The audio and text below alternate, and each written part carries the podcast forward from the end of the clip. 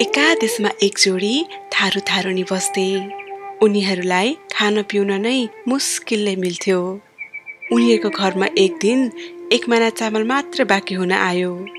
अब बिहान खाने कि दिउँसो खाने कि साँझ खाने भन्ने समस्या पर्यो।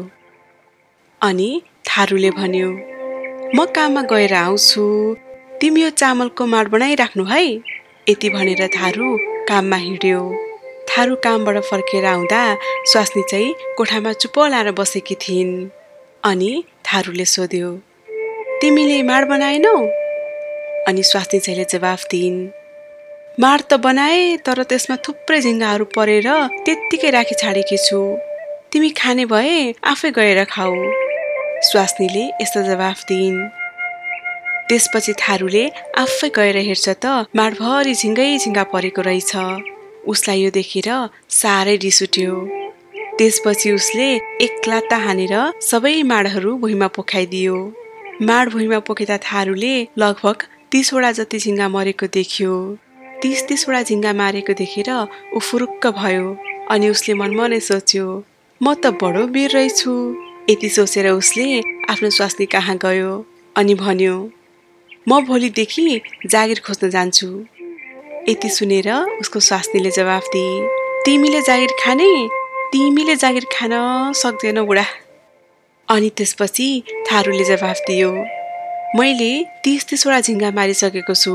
अब म जागिर खोज्न जान्छु।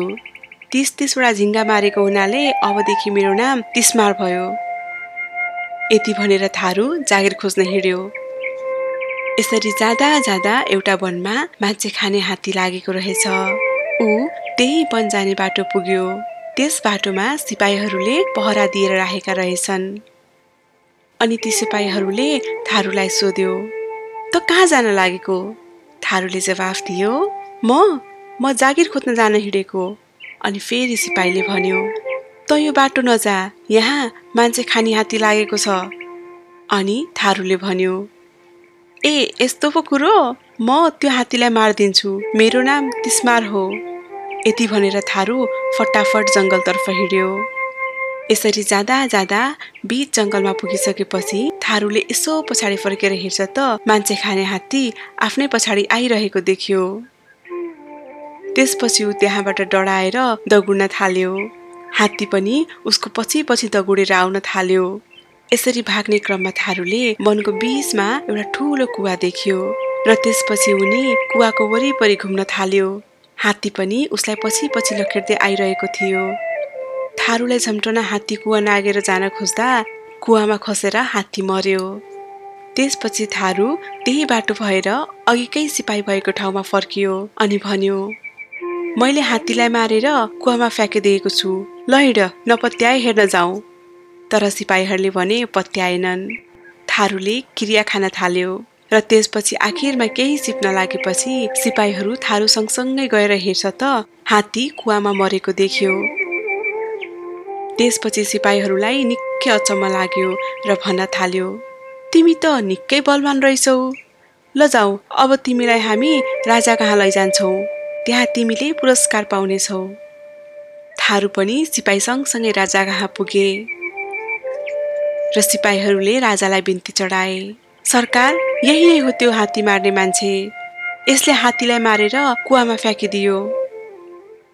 यति कुरा सुनिसकेपछि राजाले सिपाहीहरूको कुरामा विश्वास गरेर थारूलाई पुरस्कार दियो र उनलाई दरबारमा अतिथि बनाएर राख्यो। थारू पनि धेरै दिनसम्म दरबारमा नै बस्यो।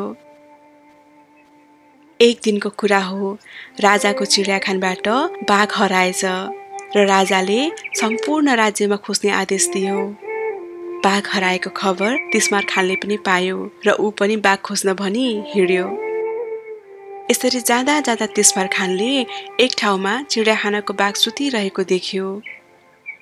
तर उनले त्यो चिडियाखानकै बाघ हो भनेर चिन्न भने सकेनन्। र बाघलाई गदा सम्झेर त्यो माथि गएर मजाले चढ्यो। तिस्मार खाँ चढ्न साथ चिडियाखानको बाघ पनि सिधै दगुरेर राजाकै चिडियाखानमा आइपुग्यो र त्यसपछि फेरि तिस्मार खानले पुरस्कार पायो। त्यसको फेरि केही समयपछि एक दिन एउटा वनमा जङ्गली बाघ लागेको रहेछ। त्यसपछि राजाले फेरि जसले सक्छ त्यो बाघलाई मार्नु भन्ने हुकुम दिए। थारू पनि हातमा तरबार लिएर बाघको खोजीमा हिँड्यो। यसरी जाँदा जाँदा ऊ एउटा जङ्गलमा पुग्यो जहाँ उसले बाघलाई भेट्टायो। बाघले थारूलाई देख्न साथ यसलाई खान्छु भनेर लखेट्न थाल्यो। थारू पनि हत्त नपत्त रुख चढ्यो र बाघ पनि रुखको मुनि आइपुगेर बस्यो। बाघलाई आफू चढेको रुखको तल देखेर थारू थरथरी काम्न थाल्यो। यसरी काम्दाखेरि उसको हातमा रहेको तरबार छरेर बाघलाई लाग्यो र बाघ त्यही थहरै भयो। र तिस्मारले फेरि राजाबाट पुरस्कार पाए। एक दिन अर्को देशको राजा फौजसहित लडाइँ गर्न भनी त्यहाँ आएको समाचार त्यस देशका राजाले पाए। राजाले आफ्ना सैनिकहरूलाई लड्न जानका लागि हात्ती घोडा तयार पार्न आदेश दिए। थारू पनि घोडामा चढेर पछि लाग्यो।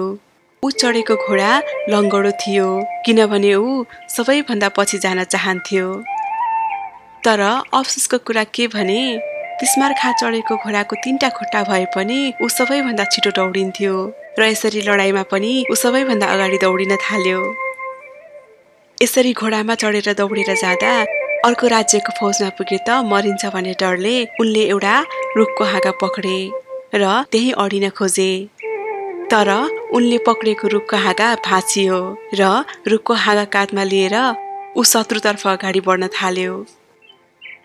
यसरी रुखको हाँगा समेत कानमा बोकेर दगुर्न सक्ने बलमान देखेर शत्रुहरू सबै डढाए र कसैले पनि लड्ने हिम्मत गरेनन् र त्यहाँबाट भागेर गए।